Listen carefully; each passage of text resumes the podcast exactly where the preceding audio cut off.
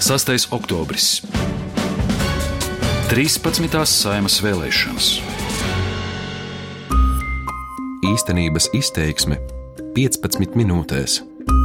Priekšvēlēšanu laikā vērtējam lauku attīstību aizvadītajos četros gados. Lai to noskaidrotu, uzrunāju lielu zemnieku ģimeni pierobežas novadā.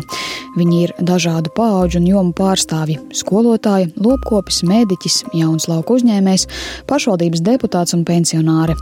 Mani sauc Sinti Ambote, un šis ir raidījums īstenības izteiksme. Tiešām? Jā, jā, nu tas nav jau. Tas, ka es velku, nevajag skatīties. Durvīs sagaida Krapausku ģimenes galva - zemnieku saimniecības druvas saimnieks Vidmans. Me, meitenes jau gaida tur. Ja. Ģimeni satieku vecākās paaudzes vecmāmas Regīnas mājā, audzes novada Vītiņos, pavisam netālu no Lietuvas robežas. Man ir gatavi. Labdien, Sinti, rādio. Krapausku ģimene ir zemnieki un lauku iedzīvotāji vairākās paraušu. Visi sasēžamies ap apaļo galdu. Un tieši Vidmans sarunu sāk ar pozitīvo. Var mums ir tagad lepns ceļš līdz robežai, ja, kurš te grūti nāca, bet beidzot ir, jā, nav kauns vairs. Tie ir pēdējie četri gadi tieši, kad viņš Jā, ir tas ir šajos četros gados, jā. Līdz robežai mums bija neizbraucams ceļš rudeņos un pavasaros. No robežas bija asfalts, jā, un mums bija jākaunās. Jā. Mēs braucām, braucām uz jaunakmeni kādreiz, tad uh, ar sievas māstu es teicu, nu, ka iebraucām Lietuvā, es teicu, tagad mēs esam Eiropā. Tik strikti ar nazi, ja? Jā, jā, nu tā arī bija visu laiku. Jā. Viņi jau ātri uztaisīja to ceļu. Tur kādreiz grāmatas ceļš bija. Bet uh, neatkarības uh, laikā, kad jau neatkarību atguvām, viņi diezgan ātri to ceļu tur uztaisīja līdz robežai. Tad var teikt, ka tur jau kādus 20 gadus ir. Nu, asfalts un ceļš. 15 noteikti. Druvu saimniecība ir liela - ap 600 hektāru zemes un ap 130 slaucamu govju. Audzē arī graudus. Pēc vietējiem ceļiem, kas pēdējos gados kļuvuši izbraucami, Vidmans sāk runāt par vienu no problēmām - par OIK. Tas viņam sagādā lielus zaudējumus. Jāsamaksā par uh, to saucamo to ekoloģisko elektrību, jā, vai zaļo enerģiju, bet tā nauda jau jāmaksā ir tiem, kuri ir uzbūvējot šīs te stacijas, ir saņēmuši Eiropas naudu, ja, un mēs iedzīvotāji vēl par to maksājam. Un, ja runā vispār par zaļo enerģiju, tad uh, es kā lauksaimnieks zinu, ko nozīmē izaudzēt kukurūzu, jo es pats viņu audzēju. Ticiet, man nekā zaļa tur nav. Tad, kad viņa nonāk tādā katlā, tur nekā zaļa nav. Tur ir herbicīdi, tur ir degviela nenormālos daudzumos, ja? tāpat bez augsnes ap, apstrādes nekas tur nenotiek. Ja? Bez kodnēm, bez ķimikāliem, tā, tāpēc saku, tur nekā zaļa nav. Nu Jā, bet tā procentuāli būtu jāizvēl. Cik jūs tie par cik procentiem vairāk jūs No maksājat? 35, 40 kaut kur tā. Atkarībā no objekta. Jā. Mēs, eh, es noslēdzu līgumu ar Enefitu, jā, ar Igauņu eh, elektrības piegādātāju. Jā, tur man elektrība bija lētāka. Tā kā es mazliet izbēgu, ja, bet nu, tā kopumā ņemot, ja es tā teiksim, kaut kur ap 1000, 1100 eiro maksāju ja, par elektrību, tad tagad tie ir pusotru 1000, 1600 eiro, ja, ražas laikā pat vairāk. Un, un medicīna kā tāda, es domāju, ka vispār ir šausmas. Bet nu, tur sieva lai vairāk pastāstīja. Andra Krapauska. Jā, nu, slimnīcā notiek liels pamatīgs remonts, un, un, un, un, un tas slimnīca katru dienu izskatās skaistāka, un, un nu, tiešām nu, būtu prieks, ja, ja viņa būtu un pastāvētu, Mm, bet tā ir, kad trūkst ārstu. Vidmanta sieva Andra strādā aucē vistuvāk esošajā slimnīcā Dobelē. Viņa ir pneimonologs jeb plaušu ārsts. Slimnīcā kā citvieta reģionālajās ārstniecības iestādēs pietrūkst speciālistu, īpaši internistu terapijas nodaļā. Ja kāds jauns atnāk, tad pārdeg un ātri vien aiziet, saka Andra. Pēc tam atnāca divi gados jau eh, kolēģīši. Dakteris viens, kas strādāja daudzākās vietās jau uzņemšanā, un tā viena no vietām, vai kādas trīs, četras vietas, un viena bija mūsu terapijas nodaļa.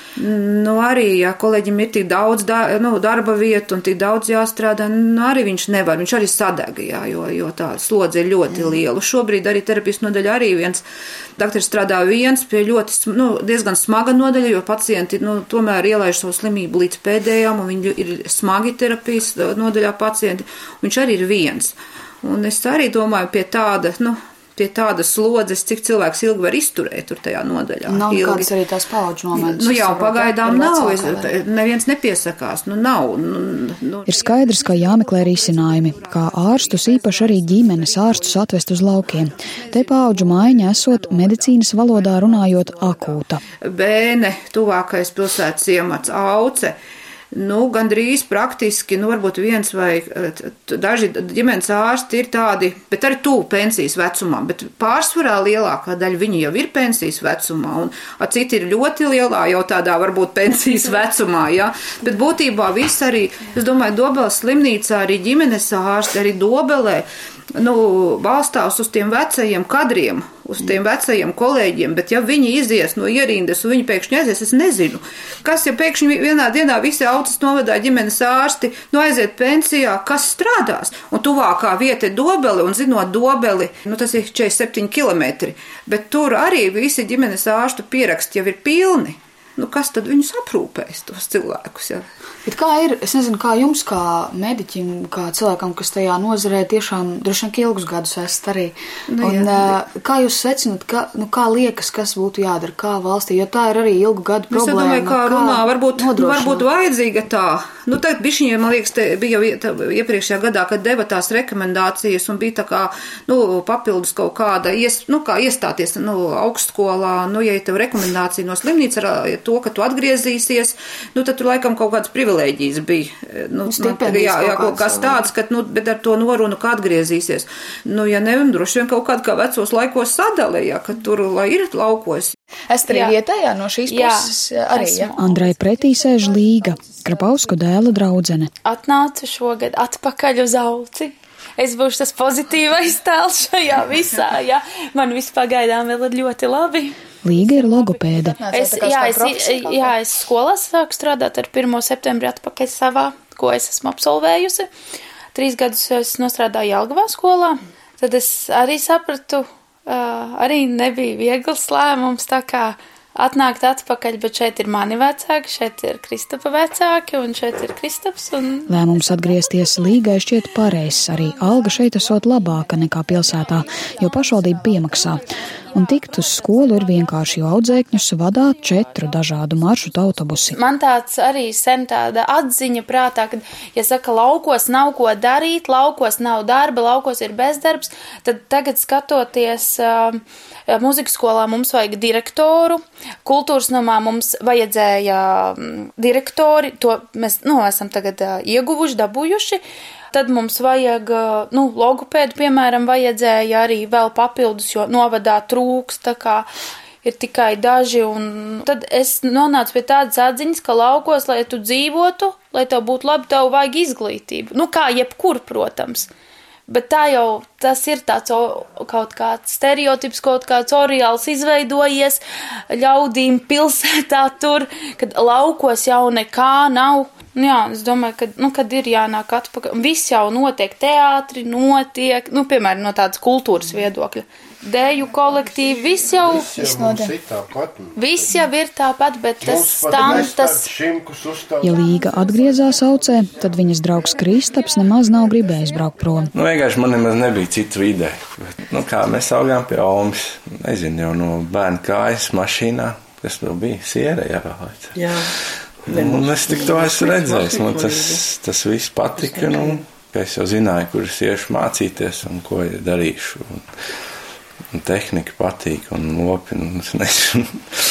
Kristaps ir viens no trīs krapausku dēliem un visticamāk pārņems saimniecību. Labāk ir pāris gadus vēl, un katru dienu tu dzīvē mācies kaut ko jaunu. Nu. Pagaidām vēl par ātru, vēl trūkst pieredzes, saka jaunais zemnieks. Kristaps gan ir kritiskāks par līgu un saka, ka novadā nav pietiekami labi, lai viņa vecuma jaunieši gribētu šeit, piemēram, dibināt ģimeni vai uzņēmumu. Bet kā vispār ir ar tavu vecumu cilvēku vai auce un valsts viņu atbalsta palikt laukos? Es domāju, pa lielam, ka nē, ka paliek tikai tiem, kam ir ko darīt. Tie būs, cik, mēs, cik tēviem te saimniecības ir, tie visi palikuši. Uz, man liekas, ka uz vienas rokas pirkstiem var saskaitīt. Nu, tad ir, nu, kā ir, kad izdevība, kā līga atrada darbu skolā. Ir tur vēl tehnika augs, skatos, daži jauni cilvēki paliek, bet nu, palielam viņi visi ir prom. Vai Rīga vai ārzemes. Ļoti daudz aizbrauc uz ārzemēm. Vieglāk ir aizbraukt un balēties tur. Bet te valsts var kaut ko izdarīt, vai tomēr tas ir ļoti individuāli? Nu, kad cilvēkam jāgrib strādāt vienkārši un tā. Es domāju, ka valsts, man liekas, ka mums tāda nespējīga ir. Kristaps mazliet kritizē valsti un arī vietvaru, bet saprot, ka pārmaiņas nenāk viegli. Pats turklāt pat laban ir novada pašvaldības deputāts, kandidējis no kādas partijas saraksta, bet tajā nav iestājies. Galda galā klusi sarunu vēro šķiet otra ģimenes galva - vecmāma Regīna. Tieši viņa likusi pamatus saimniecībai. Bet uh, liekas no malas grūtāk viņiem vai grūtāk jums bija? Man liekas, ka visu laiku ir, ir savas grūtības, ir savi labumi. Ir. Regīna sāka saimniekot 90. gados. Ja tagad ģimenē ir 630 hektāru, tad viņai bija vien 13. Viņa strādāja līdz 69 gadu vecumam un tagad saņem niecīgu pensiju. Kā vadat šo laiku no 13.